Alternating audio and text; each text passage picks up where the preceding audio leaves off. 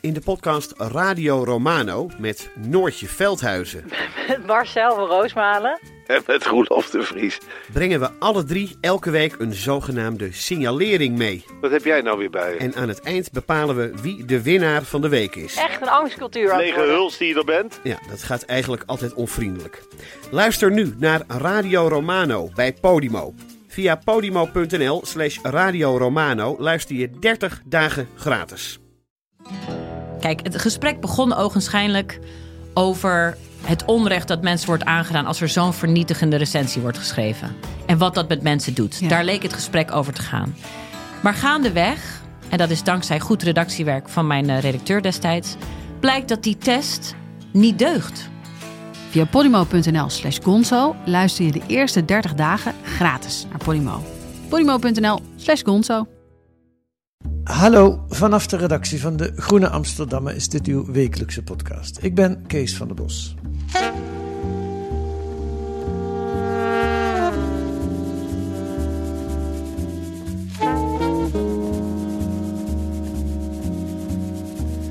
Eerst een huishoudelijke mededeling. Bij uitzondering verschijnt deze week nog een podcast van de Groene Amsterdammer. En dat zit zo. Samen met uitgeverij Atheneum, Polak en Van Gennep maakt de Groene zogenaamde Paradigma-reeks. Dat zijn heruitgaven van gecanoniseerde non-fictieboeken. Het soort boeken dat ons denken deed veranderen. Het eerste deel is net verschenen, Orientalisme van Edward Said. Misschien zag u eerder deze maand het essay van Sinan Shankaya over Said in De Groene. In de podcast die vrijdag verschijnt praat Groene adjunct Joost de Vries verder met Sinan en met NRC-commentator Lofty El Hamidi over Orientalisme, over dat boek dus, over het leven en werk van Edward Said en over hoe zijn ideeën verder leven. Luisteren dus.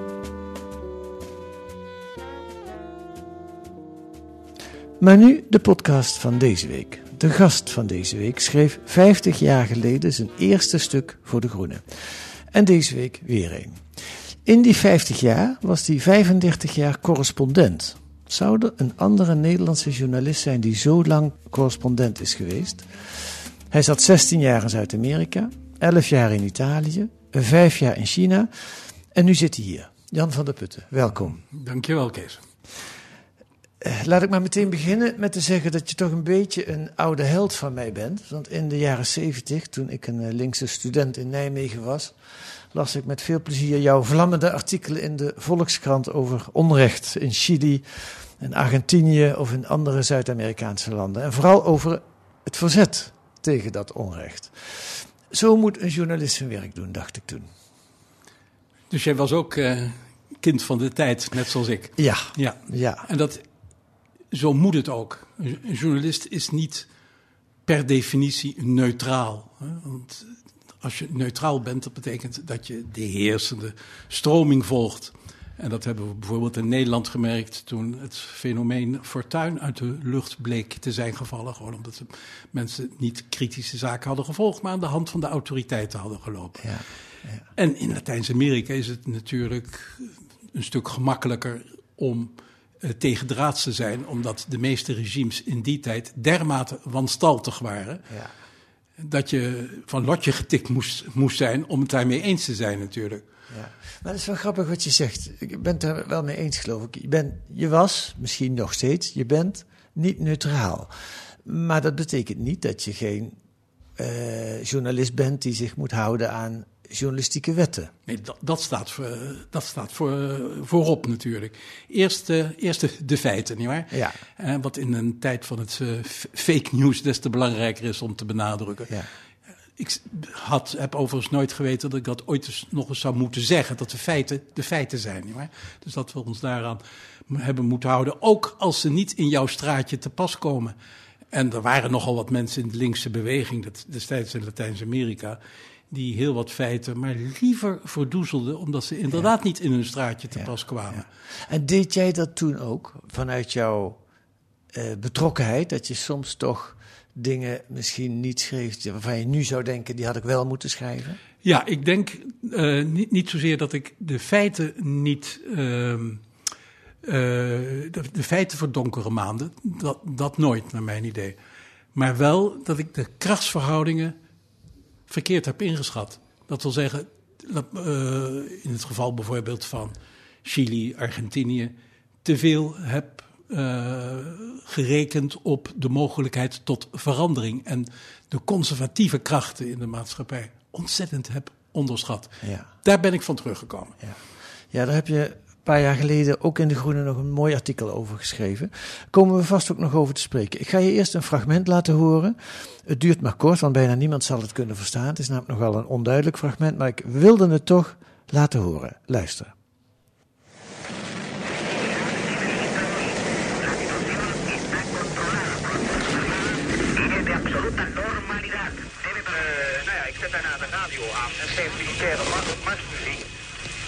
Uh, het blijkt dat het leger heeft ingegeven die minis, maar dat gaat daar in de tijd op neer. Wat heb je gehoord, Jan? 11 september 1973. Ja. En dat is voor mij nog altijd de 11 september. De staatsgreep van Pinochet tegen Salvador Allende.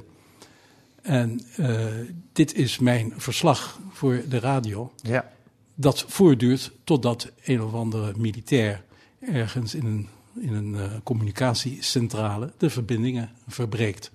Jij zat, je, je, woonde in een soort flatgebouw, neem ik aan. Ik hoorde op de 19e verdieping. Ik woonde op de 19e verdieping van de, uh, van de Diagonal Paraguay.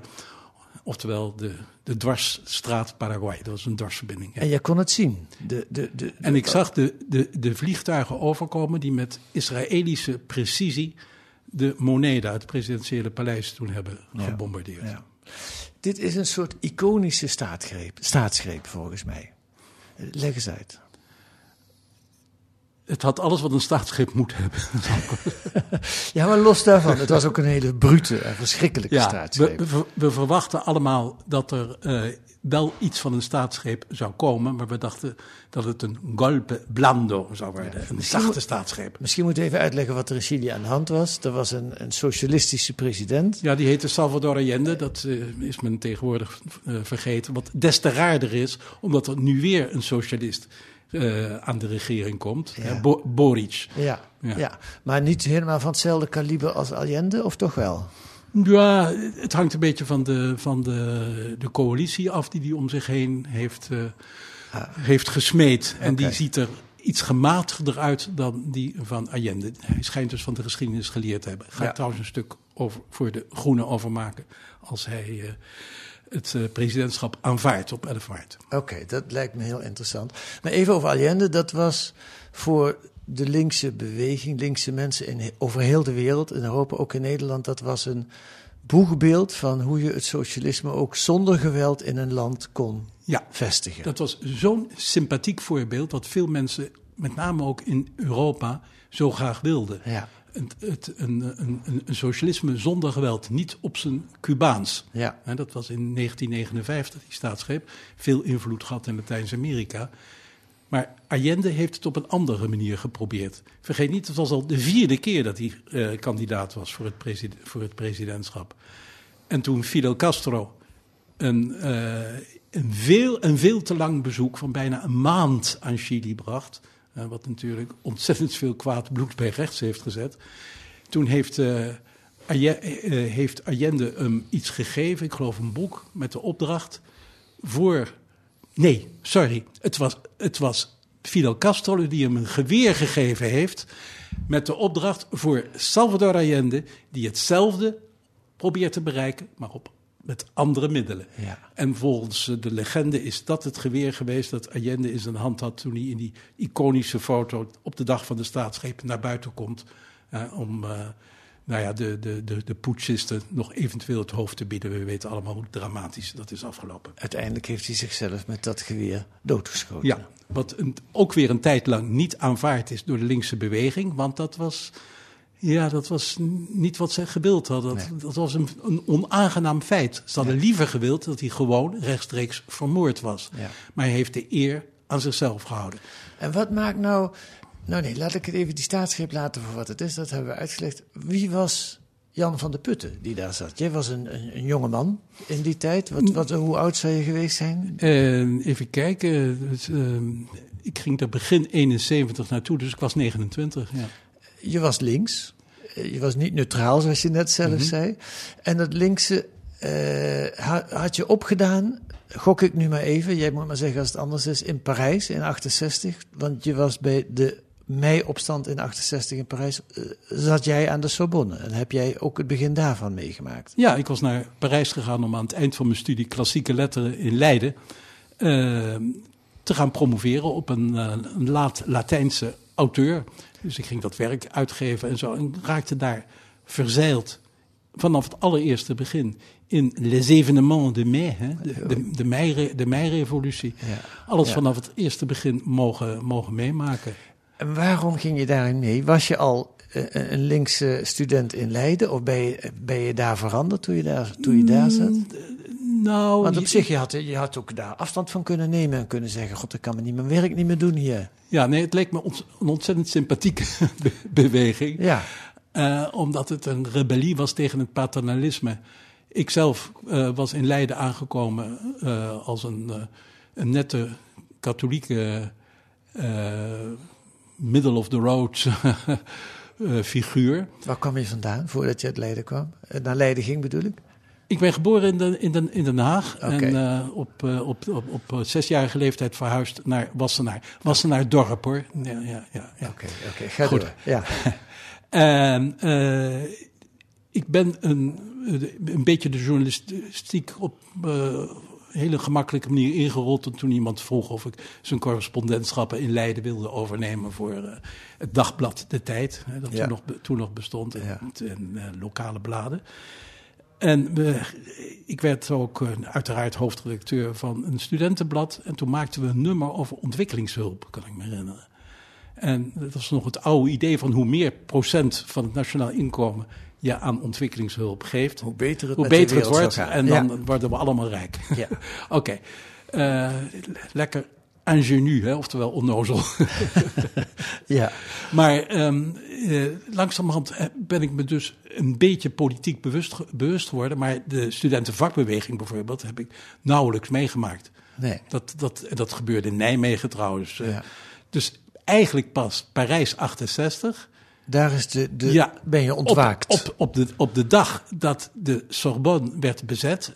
Ik kom aan op de binnenplaats van de Sorbonne om daar les te geven. Want ik, had een, ik moest tien lessen zelf geven aan, de, aan, de, aan die eh, postdoctoraal studenten.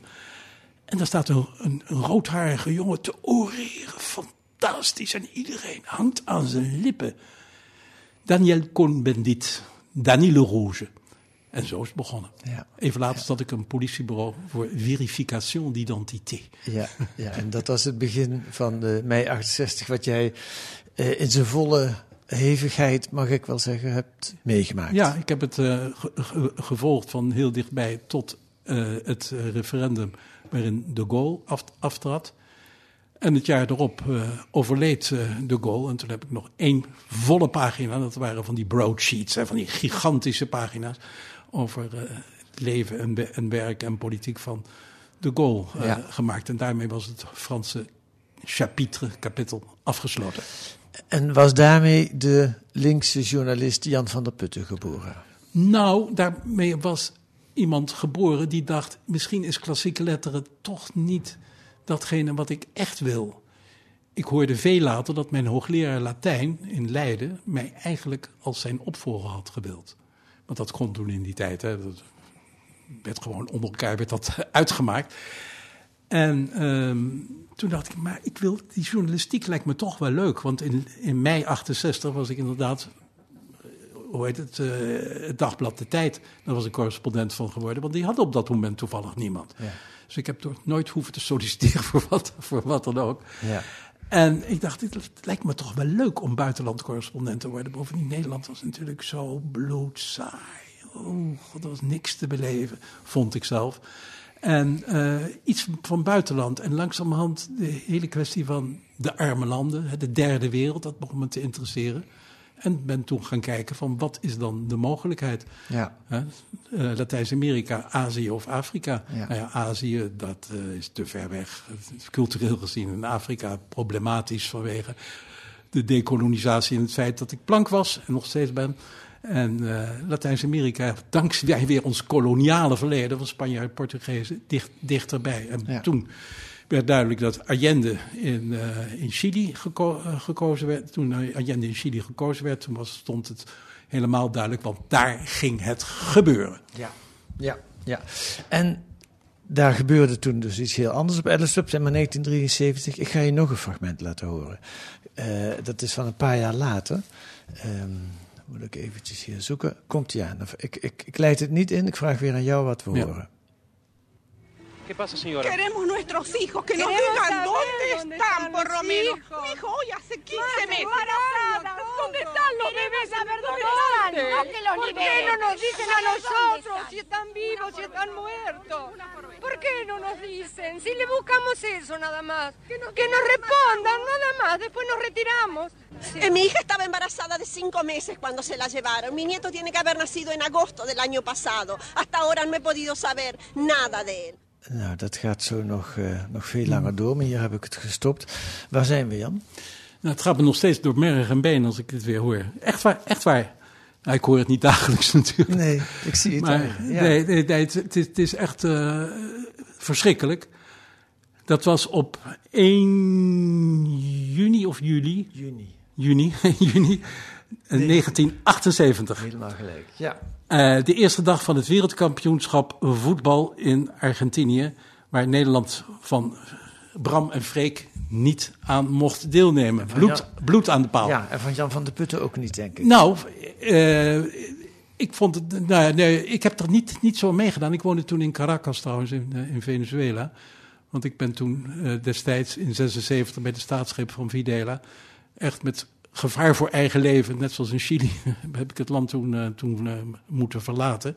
En was ter gelegenheid van het wereldkampioenschap voetbal in 78 en, weer waar terug. sta, en waar sta je met dit fragment? En met eh, dit, fra- dit fragment sta ik op de Plaza de Mayo. Dat is het grote, indrukwekkende plein voor de Casa Rosada. De Casa Rosada, het Roze Huis. Dat is het presidentieel paleis in Buenos Aires. In Argentinië. En daar, en daar eh, op dat plein kwamen, eh, maakten voor het eerst de, zoals het toen heette, de dwaze moeders van de Plaza de Mayo, tegenwoordig heet ze gewoon de moeders, maakten een stille rondgang om te protesteren tegen de verdwijning van hun kinderen dat of was hun de eerste echtgenoten. keer dat ze dat deden. Dat was de eerste, of in ieder geval een van de allereerste keren.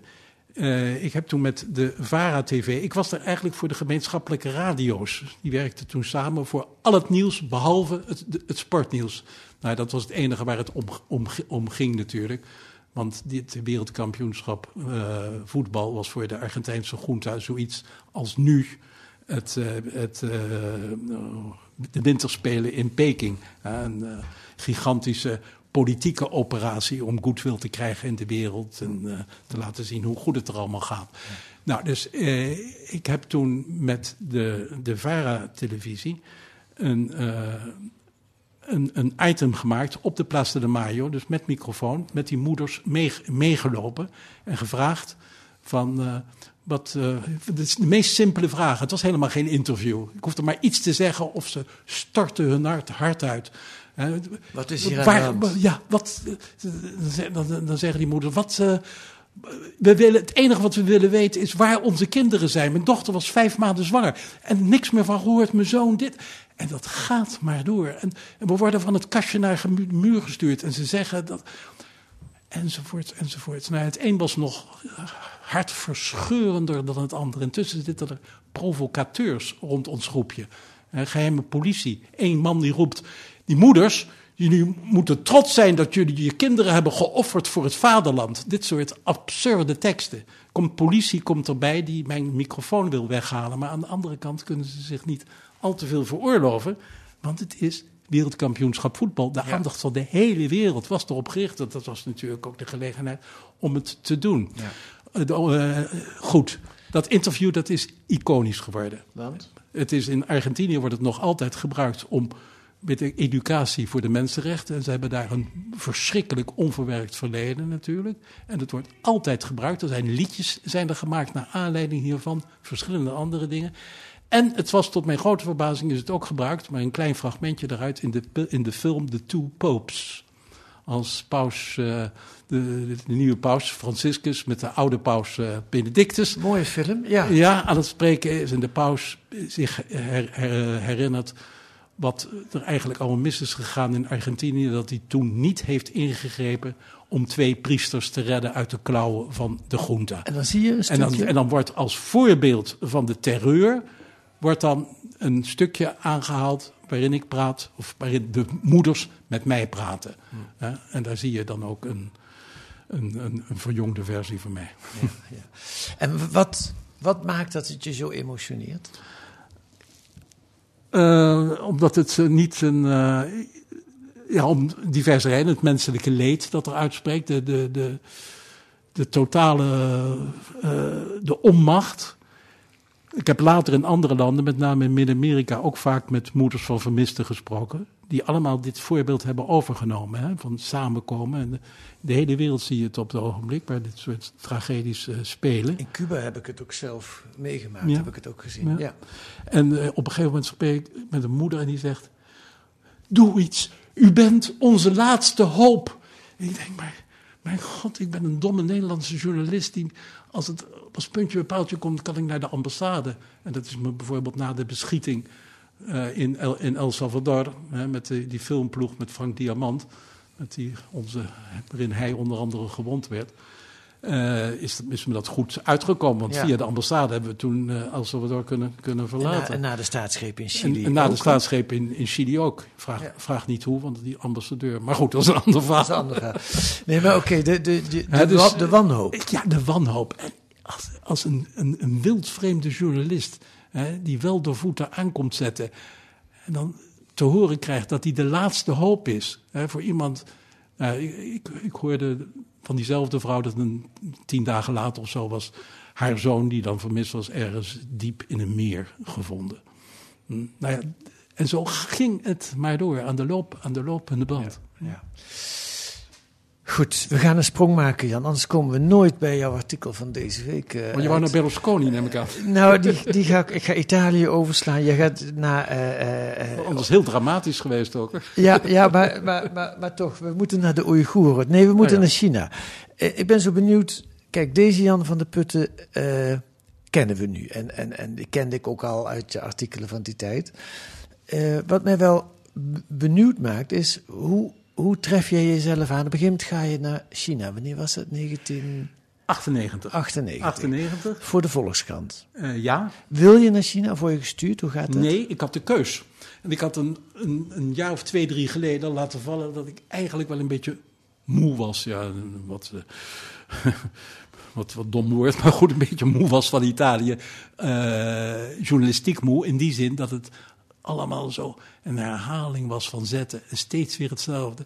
En, op een gegeven en je kon altijd lachen vanwege de gekte. En die gekte ging maar door tot op de dag van vandaag natuurlijk. Dat, maar ik had op een gegeven moment van die gekte ook wel genoeg. En ik, zag, ik merkte dat ik op een gegeven moment steeds weer in diezelfde dingen kwam. En eh, een beetje het effect uh, wekte bij, bij, bij lezers, wat ik ook had in Latijns-Amerika. Van ja, jij schrijft altijd maar over repressie. Ja, het spijt me wel, maar de, zo was de werkelijkheid in die tijd van de Koude Oorlog. In bijna alle landen regimes van nationale veiligheid. Totale terreur. Ja, wat wil je? Dat ik over de, bloem, de bloemetjes en de bijtjes ga schrijven? Nou, in Italië was ja. het veel minder dramatisch uiteraard. Hoewel met de maffiamoorden en zo. Ook wel een paar fikse, fikse dingen meegemaakt. Maar, um, maar goed, minder dramatisch. En dan dacht ik, ik wil toch iets anders waar werkelijk belangrijke dingen, dingen gebeuren. Want Italië is natuurlijk nog altijd behoorlijk geïsoleerd. Hè, en is ook heel erg op zichzelf gericht. Het, het, het nieuws is uh, 20, 20, minuten is het uh, Casa Nostra, hè, ons huis, Italië. En één minuutje is ook nog iets van het buitenland, zal ik maar zeggen. En ik had daar natuurlijk kunnen blijven als klassicus heel erg geïnteresseerd in al die klassieke cultuur. Je, je hoeft maar een, spa, een, een, een, een, een schep in de grond te steken of je vraagt, graaft iets prachtigs op. Maar ik dacht, uh, misschien dat kan ik altijd later nog doen, als ik oud en nog net niet der dagen zat ben. dus toen dacht ik, laat ik naar iets moois gaan. Toen waren er zes verschillende mogelijkheden en één daarvan was China. En mijn eerste reactie was China. Ja, zeg China. Dat is wel heel, heel erg ver weg. Daar snap ik niks van. En toen zei mijn vrouw de dag erop... maar juist omdat je er niks van snapt... is het misschien wel aardig om daar naartoe te gaan. En altijd had ik gehad de schok de herkenning. En bijna altijd in Latijnse landen. Ja. Ook in Griekenland natuurlijk, waar ik ook twee keer correspondent geweest ben tussen de bedrijven door. Maar goed, dat zijn talen die ik allemaal beheers. Nee, maar dat fascineert me juist zo. Dan kom je in, in, in dat China. Ja, en dat China, en dat is zo'n andere cultuur. Totaal. Dus de, de schok der niet-herkenning. Je snapt er geen bal van. in Ik snap er inderdaad geen, geen bal van. En ik, eh, ik had wel gehoord van tevoren in mensen in Italië zeggen... Heb je gehoord wat er in China allemaal gebeurd is? Dat land gaat, is zich zo waanzinnig aan het ontwikkelen. Je komt er een jaar niet en daarna is alles weer anders. Heb jij ook in jouw linkse periode eh, romantisch... Ik ben niet rechts geworden hoor. Nee, nee, nee, nee. maar, oké. Maar in jouw nog linksere periode, nou misschien is zelfs dat geen goede formulering. Maar eh, toen was je ook vroeger een China-ganger. Dweepte jij ook mee Nee. met, met Mao en met de, Nee, de volk? nee, nee, nee. Dat heb je nooit gehad? Nee, de, e- de eerste keer dat ik Chinezen heb geïnterviewd, dat was op de UNCTAD, de, de Wereldhandelsconferentie, in Santiago de Chile in 1972. In, in, in 72. Er zaten ook Chinese afgevaardigden, helemaal geïsoleerd van de rest. Die hadden nergens met niemand contact. En ik heb ze een keer geïnterviewd en dat was zo dodelijk saai dat ik het niet eens gebruikt heb. Zoals voorzitter Mao al zei, het was 72, hè, dus Mao was nog aan de, aan, de, aan de macht. Een beetje het staartje van de culturele revolutie nog. En eh, dat, ons standpunt is geheel ongewijzigd. En noem maar op. Iets daarvan hebben ze nog altijd met het repeteren van diezelfde slogans. Hè. Dat heeft Xi Jinping heeft dat, heeft dat ook nog. Maar dat fascineert me echt. Dan kom je daar aan. Je gaat naar, met vrouw en kinderen, neem Ja, ik aan. Je ja. verhuist naar, naar Peking. Ja. En je snapt er niks van. En ik snap er, en ik snap er niks van. En, En- ik, en, en- ik en- denk eerst van, ik hoor dat die Chinezen, god, dat moet je je zo aan de regels houden, anders dan stuur je ze weg. Nou, en ik had in het begin problemen met de plek waar ik, mo- waar ik wel of niet mocht wonen. Gedoe en zo. Toen denk ik, oh jezus, het begint al goed. En toen zei iemand anders, maar, maar je moet het hier gewoon ritselen. Toen hebben zij, de autoriteiten zelf, hebben het voor me geritseld door me in een hotel in te schrijven waar ik wel mocht wonen. Terwijl het huis waar ik dus eigenlijk niet mocht wonen, dat bleef dan maar even buiten beschouwing. En zo was het geregeld. Maar goed. Snap je er nu, na al die jaren... Ja, je bent nu China-deskundige, dus je kan geen nee zeggen. Maar toch, snap je er nu iets van? Nou, er zijn, er zijn- onder China-experts is er een gevleugeld woord, geloof ik. En dat zegt dat eh, hoe, hoe, hoe, hoe meer je ervan van, van denkt te weten, hoe minder je er werkelijk van weet. Eh, en, en je komt steeds, iedere dag nog kom ik achter dingen. denk ik, ja, zit dat zo? Ehm, historische parallellen, eh, dingen waar men zich eh, op, op, op beroept om, om zich te rechtvaardigen. Dingen uit het verleden vaak. En daarnaast een heel simpel eh, gegeven is dat die machtsstructuur niet duidelijk is. Het beslissingsproces is niet duidelijk. Nee. Nog altijd weten we niet hoe een beslissing tot stand komt. En wat, wat er ook niet is, wat in al die voorgaande landen waar je zat, en vooral Zuid-Amerika er wel was, was zichtbaar verzet. Een, een beweging die zich verzette tegen de corrupte machthebbers en Ja. de elite die hen onderdrukt. In China zal dat er misschien ook wel zijn, maar je ziet het niet. Nou, voor zover het er was, is het met wortel en tak uitgeroeid zo ongeveer. Eh, en dat is ook een van de vele misvattingen waarmee het Westen China heeft proberen te benaderen. Namelijk dat er in China net zoiets al aan de, aan de hand was als in, eh, in de Sovjet-Unie toen, de dissidenten. Ja. En de dissidenten, nou, die hadden het helemaal gemaakt. Dat, dat waren de nieuwe leiders van, van, van, de, van, de, van Rusland dan. Hè? is het anders afgelopen, zoals we weten. Eh, maar in, in, in, eh, in China heb je nooit zo'n beweging gehad. En toen het even daarop leek, Tiananmen 1989. Nou, we weten hoe dat is afgelopen. Met de tanks. En Ja. Er is nooit verantwoording voor afgelegd. En alle vier of vijf andere democratiserende bewegingen zijn allemaal vanaf het eerste begin, in, niet in, in bloed, maar in, in de cel, gesmoord. Met het idee van één keer hebben we een fout gemaakt door dat te, te lang te laten do- voortwoekeren, die democratiseringsbeweging. Dat nooit meer. En Xi Jinping gaat op die lijn nog veel verder. Ja, en daar, gaat ook, daar gaan we het zo over hebben, jouw artikel over. Tenminste, hoe die dan de Oeigoeren behandelt. Maar wat mij ook fascineert is hoe, hoe mis je dat dan niet? Eh, k- kijk, als je in La- Latijns-Amerika verslag deed van de corruptie en van de verschrikkelijkheden, kon je er ook altijd iets tegenover zetten. Van mensen, vakbondsleiders en mensen die. dat- In China kan dat niet. Ja, nee, dat, dat, dat is een hele andere po- politieke setting natuurlijk. Eh, In Latijns-Amerika in de tijd van de dictaturen, met die totale censuur ook, dacht ik, nou, ik hoef niet naar de officiële woordvoerders, want dat weet ik al, want dat staat in de krant aan alle kanten, nietwaar? Het was geen internet, hè? dat eventjes Nee, nee. voor de jonge luisteraars. Internet bestond nog niet. Ja. Ehm, dus ik moest mijn oor te luisteren leggen bij de, laten we maar zeggen, de, de, de, de, de alternatieve krachten. nietwaar? Dat, het, het verzet, de vakbeweging en zo. Maar die waren daar. Die waren daar, vele van wie ik, die ik toen geïnterviewd heb, die zijn op een onnatuurlijke wijze om het leven gekomen trouwens. Gewoon Ja. vermoord. In, in China niet. In China, eh, ik heb wel eens min of meer dissidenten gesproken in het begin. Ik heb ook mensen gesproken die kritiek hadden op het regime. Bijvoorbeeld de vader van een jongen die ik weet niet of je je dat kunt herinneren, die, in een, een, eh, die toen gestikt zijn op de reis naar Dover. Die door mensenhandel, mensensmokkelaars goed. In een vrachtwagen. In een vrachtwagen. Die 52 waren het er volgens mij. ja, dat is niet zo lang geleden, een paar jaar geleden. Nou, ik zat nog in China, dus dat is al. toch, toch alweer Ja, nee, er zijn, er zijn verschillende van dit soort eh, drama's zijn, zijn er geweest. Oké. En dus ik ben eh, via een, eh, een Chinese vriend van me, heb ik eh, eh, een van die mensen opgespoord en me zijn verhaal laten vertellen. En, en, en eh, hoe heet het, hoe die ook weer ten einde raad is natuurlijk. En alle verhalen van de telefoontjes die hij gekregen had van zijn zoon, terwijl hij moeizaam onderweg was in Bulgarije. Nou, die was in de handen van de maffia terechtgekomen, allemaal vreselijk. Die was gevlucht uit China, zijn zoon, en hij volgde... Nou, gevlucht, gewoon eh, geluk beproeven elders. Ja. En dat eh, uit een streek waarin, hoe heet het, sinds, sinds, sinds eeuwen de Chinese immigranten komen. Een hele hoop eh, Chinese immigranten hier in Nederland komen ook uit die streek. Zo'n beetje tegenover Taiwan daar, hè, die, die, die kust er ook. Oké. Ja, wat me te- overigens nu in dit geval even ophaalt. Ik heb toen eh, de gegevens, alle telefoongegevens, want die man die had die telefoontjes van- die hij van die smokkelaars had gekregen, nog weer geld overmaken. Ja, en nog weer.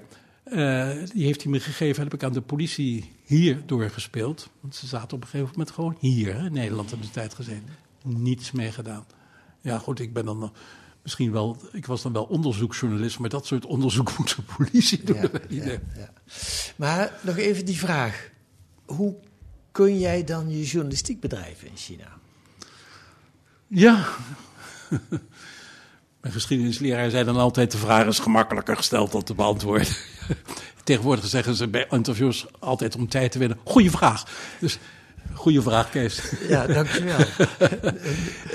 Nee, dat, eh, dat heb ik natuurlijk zelf ook eh, diverse malen afgevraagd. Maar het is al spelende bij, bij wijze van spreken gekomen. Eerst gewoon, je moet je te pletter lezen. Want de geschiedenis in de eerste plaats. Als je de geschiedenis niet weet, als je niet weet waar het uit voortgekomen is... en nog verder terug dan alleen de geschiedenis van de, van de communistische... nu 100-jarige communistische partij... en de hele mentaliteit van de keizer, de mentaliteit van de, de, de, de superieur tegenover zijn ondergeschikte... als je dat niet in je, vingerspitsen krijgt, dan snap je er niks van. Eh, ik, ik snapte op een gegeven moment dat, dat, eh, dat er een ontzettend belangrijk, een sleutelelement is in de Chinese politiek. En de verhouding tussen de keizer en zijn onderdanen. Nou ja, de keizer heet tegenwoordig secretaris-generaal van de Communistische Partij, maar dat is hetzelfde. En dat is namelijk dat de leider is eigenlijk China zelf. De leider is China. Dus je, te, je verzetten tegen de leider is je verzetten tegen China. En dan word je of in een psychiatrisch gesticht gestort, wat, eh, gestopt. Want als je zoiets doet, dan moet je wel getikt zijn. Ja. Eh, of je wordt eh, veroordeeld wegens nou ja, de, de, de subversieve neigingen. Je verzetten tegen de leider in China is per definitie onmogelijk. En dat- is ook dezelfde mentaliteit waar Xi Jinping van uitgaat. En de meeste Chinezen vinden dat ook. Ik heb zo vaak gevraagd aan Chinezen: wat vind je van dat en dat? Weet ik veel. Nou, dan kwam het antwoord wat ik al wist, namelijk het officiële. Tuurlijk, er is perscensuur, dus ze weten niks anders. Maar andere dingen kan je ook gewoon door nadenken, denken wij, kan je, kan je, kan je achterkomen. Nee dus. En uiteraard, er zijn uitzonderingen. En ook wat dat betreft is eh, het wishful thinking in het Westen heel groot geweest. Dat door de toenemende contacten tussen China en het Westen. En dat men zich langzamerhand eh, kritischer zou gaan opstellen en zo. En zoals men dacht, als er eenmaal een middenklasse is, dan die wil democratie en zo. Nee, allemaal dingen, zo zijn er een hele hoop, die niet zijn, niet zijn uitgekomen. Maar hoe krijgt Xi Jinping, de leider is China, zeg jij. Maar hoe krijgt de leider dat voor? Het is een beetje, klinkt het voor mij als de paus, die spreekt namens God. Dus je kunt ook moeilijk kritiek hebben op de paus. Want dan heb je ja, kritiek nee, het is ook een soort godsdienst. Ja. Ja. Maar hoe krijgt de, de, de- die Xi Jinping, hoe krijgt hij dat voor elkaar? Dat hij niet gezien wordt als een mens, maar als, een, als China. Omdat, die, omdat zijn, eh, zijn politiek, en dat is de, eh, de politiek van de ideale keizer altijd, is streng maar rechtvaardig. Goed zijn voor het volk.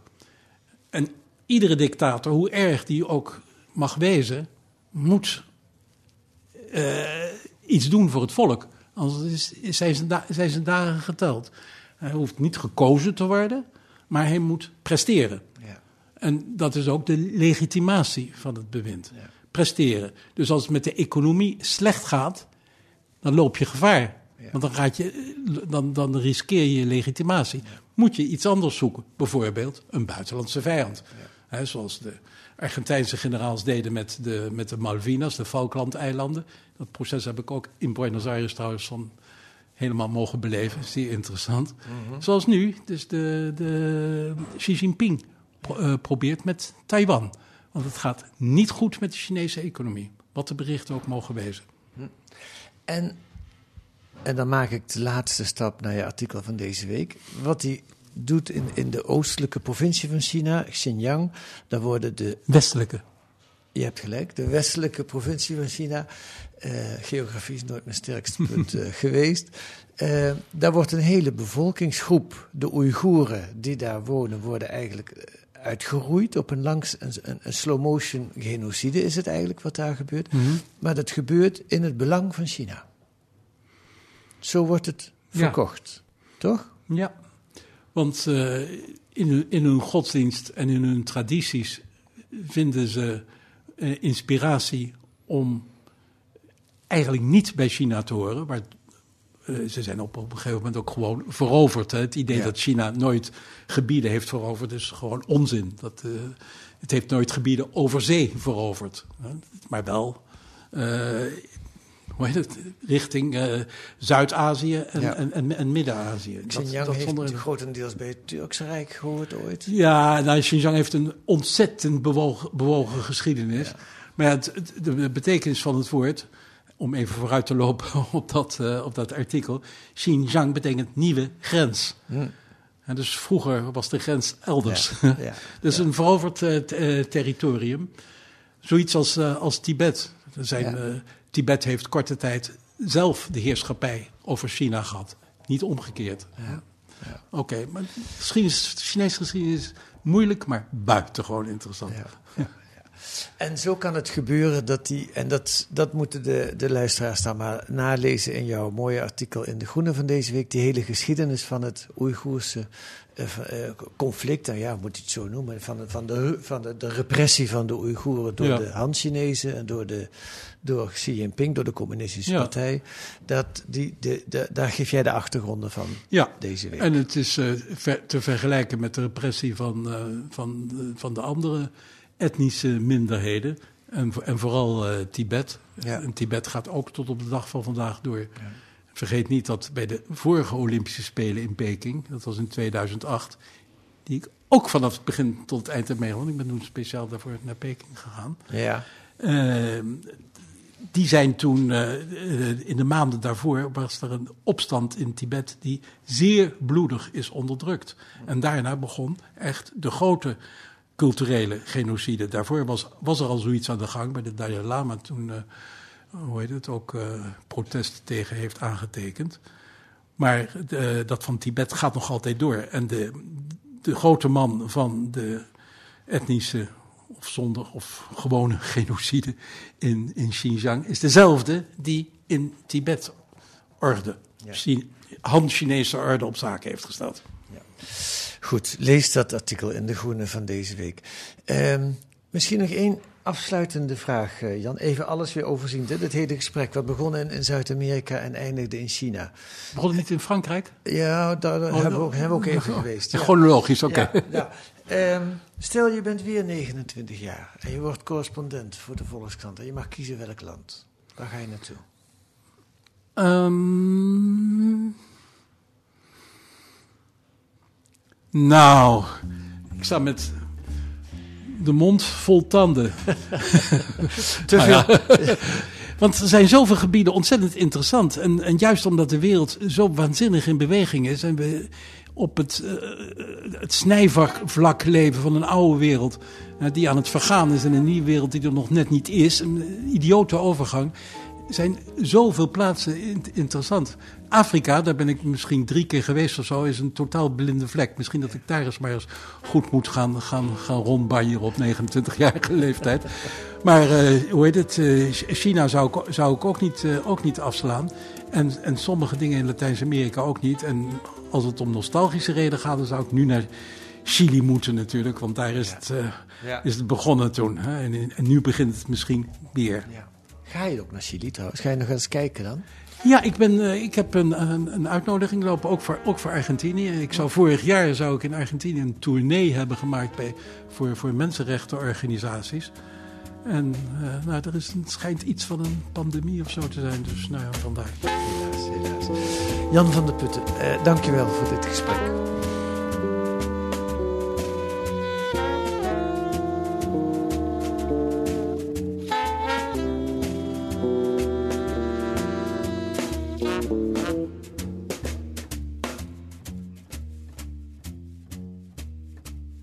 Lees het artikel van Jan van der Putten deze week in De Groene. En wat staat er nog meer in? Een profiel van Elon Musk, de man die, zoals het op de cover van De Groene staat, het kapitalisme weer heroïsch maakte.